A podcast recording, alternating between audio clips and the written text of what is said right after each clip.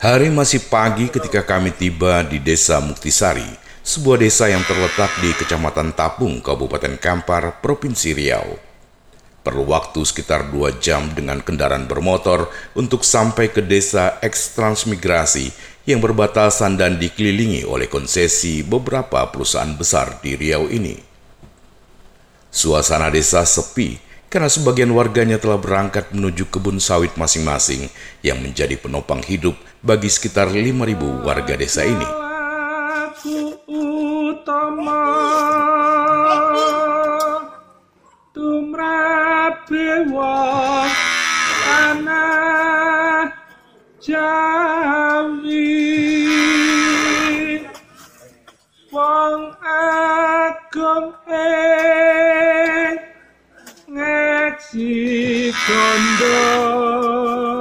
Tapi tidak bagi Mbah Kadeni, kakek 67 tahun ini terlihat sibuk meraup lidi pelepah kelapa sawit, memisahkan lidi dengan daunnya yang akan dijadikan penambah pakan bagi lima ekor sapinya. Lima ekor, sapinya lima ekor.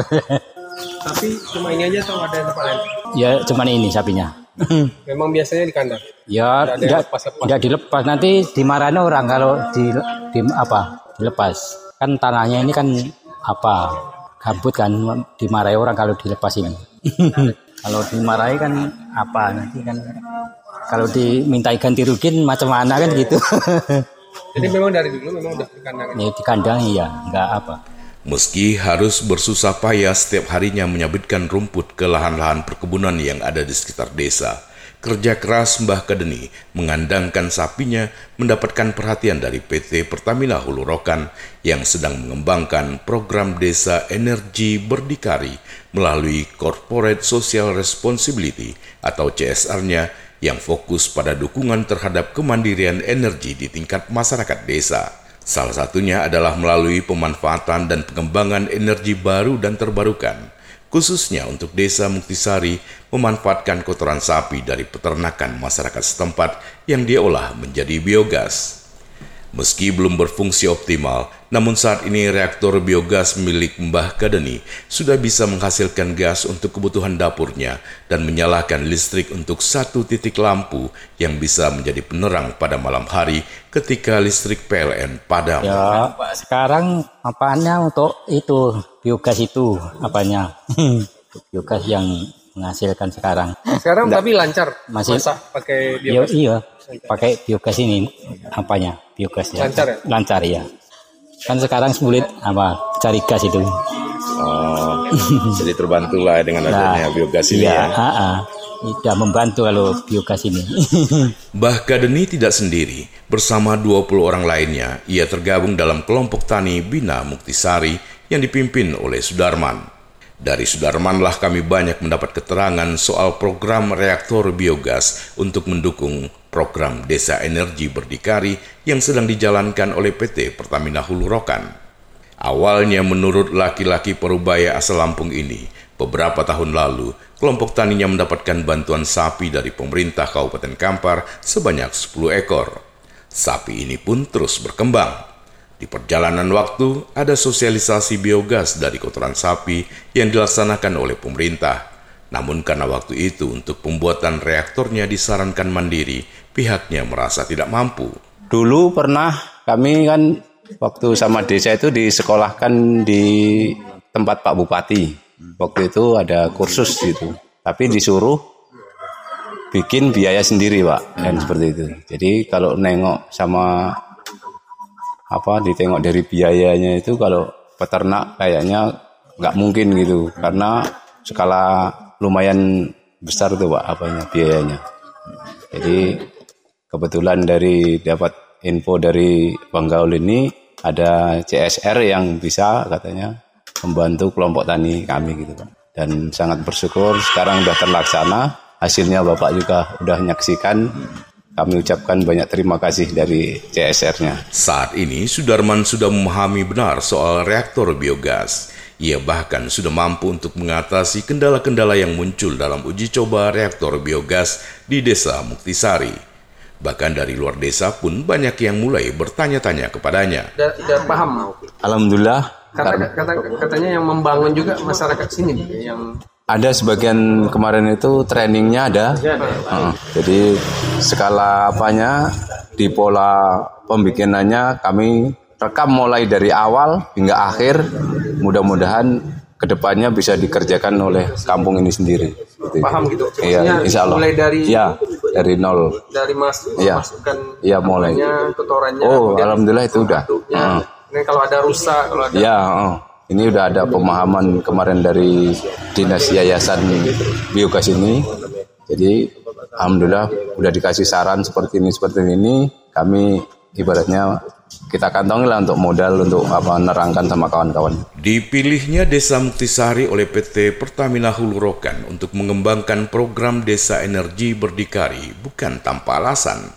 Secara potensi, hampir setiap kepala keluarga di desa ini memiliki sapi ternak yang selama ini hanya dipelihara dengan cara dilepaskan atau diangon.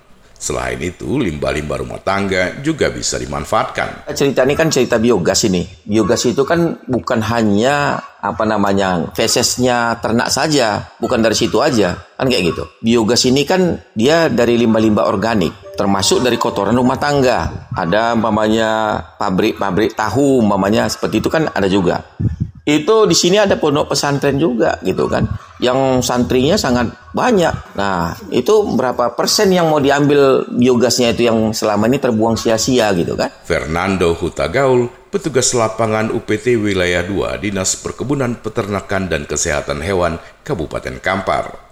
Selain itu, menurut Utagaul, potensi yang paling utama adalah kesungguhan dari warganya untuk mewujudkan program Desa Energi Berdikari, di mana mereka berharap ke depan reaktor biogas milik warga ini tidak hanya bisa menghasilkan biogas untuk memasak dan menghidupkan satu titik lampu, namun reaktor biogas ini juga bisa menghasilkan listrik dengan sedikit modifikasi pada genset yang bisa dilakukan oleh siswa SMK setempat, sehingga nantinya bisa mengecas kendaraan listrik milik warga. Mimpi itu seperti itu. Jadi mandiri energi kalau bisa jangan cuma lampu sama kompor. Dia ikut juga nanti masuklah ke listrik gitu. terbarukan ya. Yang terbaru. Jadi kan di mana-mana kan listrik ini kan eh, tetap rumah tangga tuh pakai listrik sekarang di sini nih. Sementara TDL naik. Jadi kan kalau mamanya sudah ada yang bisa gantiin PLN ini walaupun tidak 100% gitu. Itu sudah sangat ini. Nah, seperti inilah. Ini memang bisa jadi lampu, tapi kalau bisa mamanya dia ganti lampu ini, lampu sana, dua lampu saja yang bisa dihidupin di rumah tangga. Udah berkurang berapa itu eh, TDL dia yang harus dia bayar kan? Tarif listriknya itu kan? Nah, seperti itu yang mau kita eh, iniin. Kalau memang bisa eh, gengset itu kita dapatkan nanti itu makanya mau ngambil eh, apanya? Eh, ngecasnya kendaraan listrik itu pak kan yang sekarang itu itu dari situ dari gengset itu gitu. Kan berarti kan nggak beli apa lagi? Nggak beli eh, pertalite lagi? Nggak beli minyak lagi? Yang susah dapatnya antri. iya. Kita kalau bisa nanti kerjasama sama SMK yang ada di sini itu dia bisa eh, dari mesin gengset biasa itu kan banyak tuh dijual yang tenaga-tenaga bensin pertalite itu kan. Itu cuma dia men- dengan eh, menambahkan konverter namanya Ya. Ah, jadi dia bisa ke gas dia gas ya. seperti itu aja. Jadi anak-anak SMK itu bisa, ya. berkreasi juga nanti dari sana gitu kan.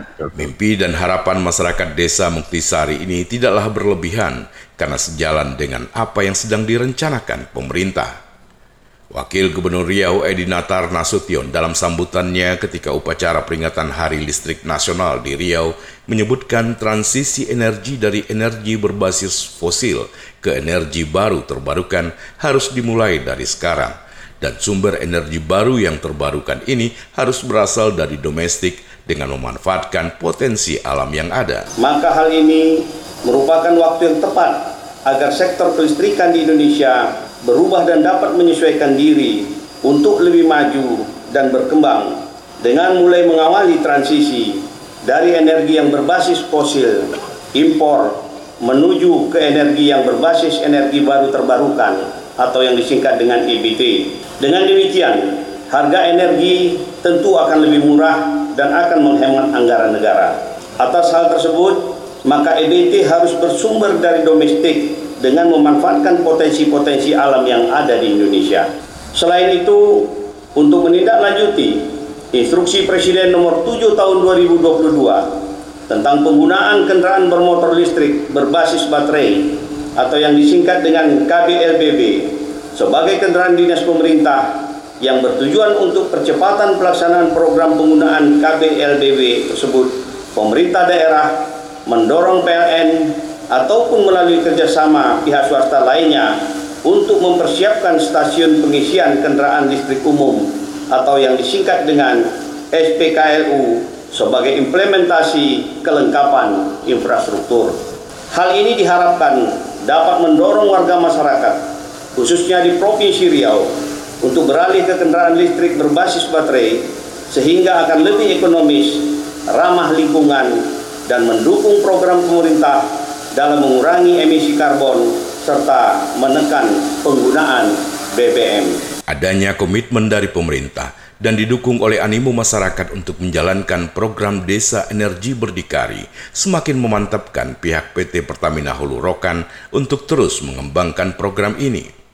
Tahun depan rencananya setelah melakukan evaluasi Pihak PT Pertamina Hulu Rokan akan melanjutkan dan menambahkan jumlah desa yang akan mengikuti program ini seperti yang disampaikan oleh senior analis sosial performance PT PHR Wilayah Kerja Rokan Darmelia Winda. Program Desa Berdikari Energi ini dilaksanakan hampir di semua wilayah operasi Pertamina termasuk PHR, di mana program energi baru dan terbarukan juga merupakan salah satu fokus kegiatan operasi dari Pertamina. Selain itu, di tingkat pemangku kepentingan, khususnya di Provinsi Riau, energi baru terbarukan juga masuk di dalam rencana strategis Dinas SDM. Maka dengan demikian, PHR berkomitmen untuk menjadikan Desa Berdikari Energi sebagai salah satu program unggulan tanggung jawab sosial dan lingkungan di mana untuk tahun-tahun selanjutnya program ini akan dilanjutkan dan bahkan akan direplika ke lokasi lain yang memang setelah dilakukan uh, mapping dan uh, visibility study uh, layak untuk menjadi lokasi pengembangan program Desa Berdikari Energi. Dan tentunya uh, hal tersebut akan dilaksanakan dengan mengacu kepada hasil monitoring dan evaluation yang akan dilakukan terhadap pilot project yang telah dilakukan di tahun ini. Puas berbincang-bincang dengan masyarakat Desa Muktisari, kami kembali ke Pekanbaru. Goncangan mobil akibat jalan yang tidak begitu mulus, berlobang dan bergelombang tidak dapat mengusir rasakan tuku. Apalagi lantunan suara Budi Doremi dengan mesin waktunya seakan membawaku ke dalam lorong waktu untuk dapat melihat masa depan, mewujudkan program desa energi berdikari, dan mewujudkan mimpi-mimpi masyarakat desa Muktisari. Jika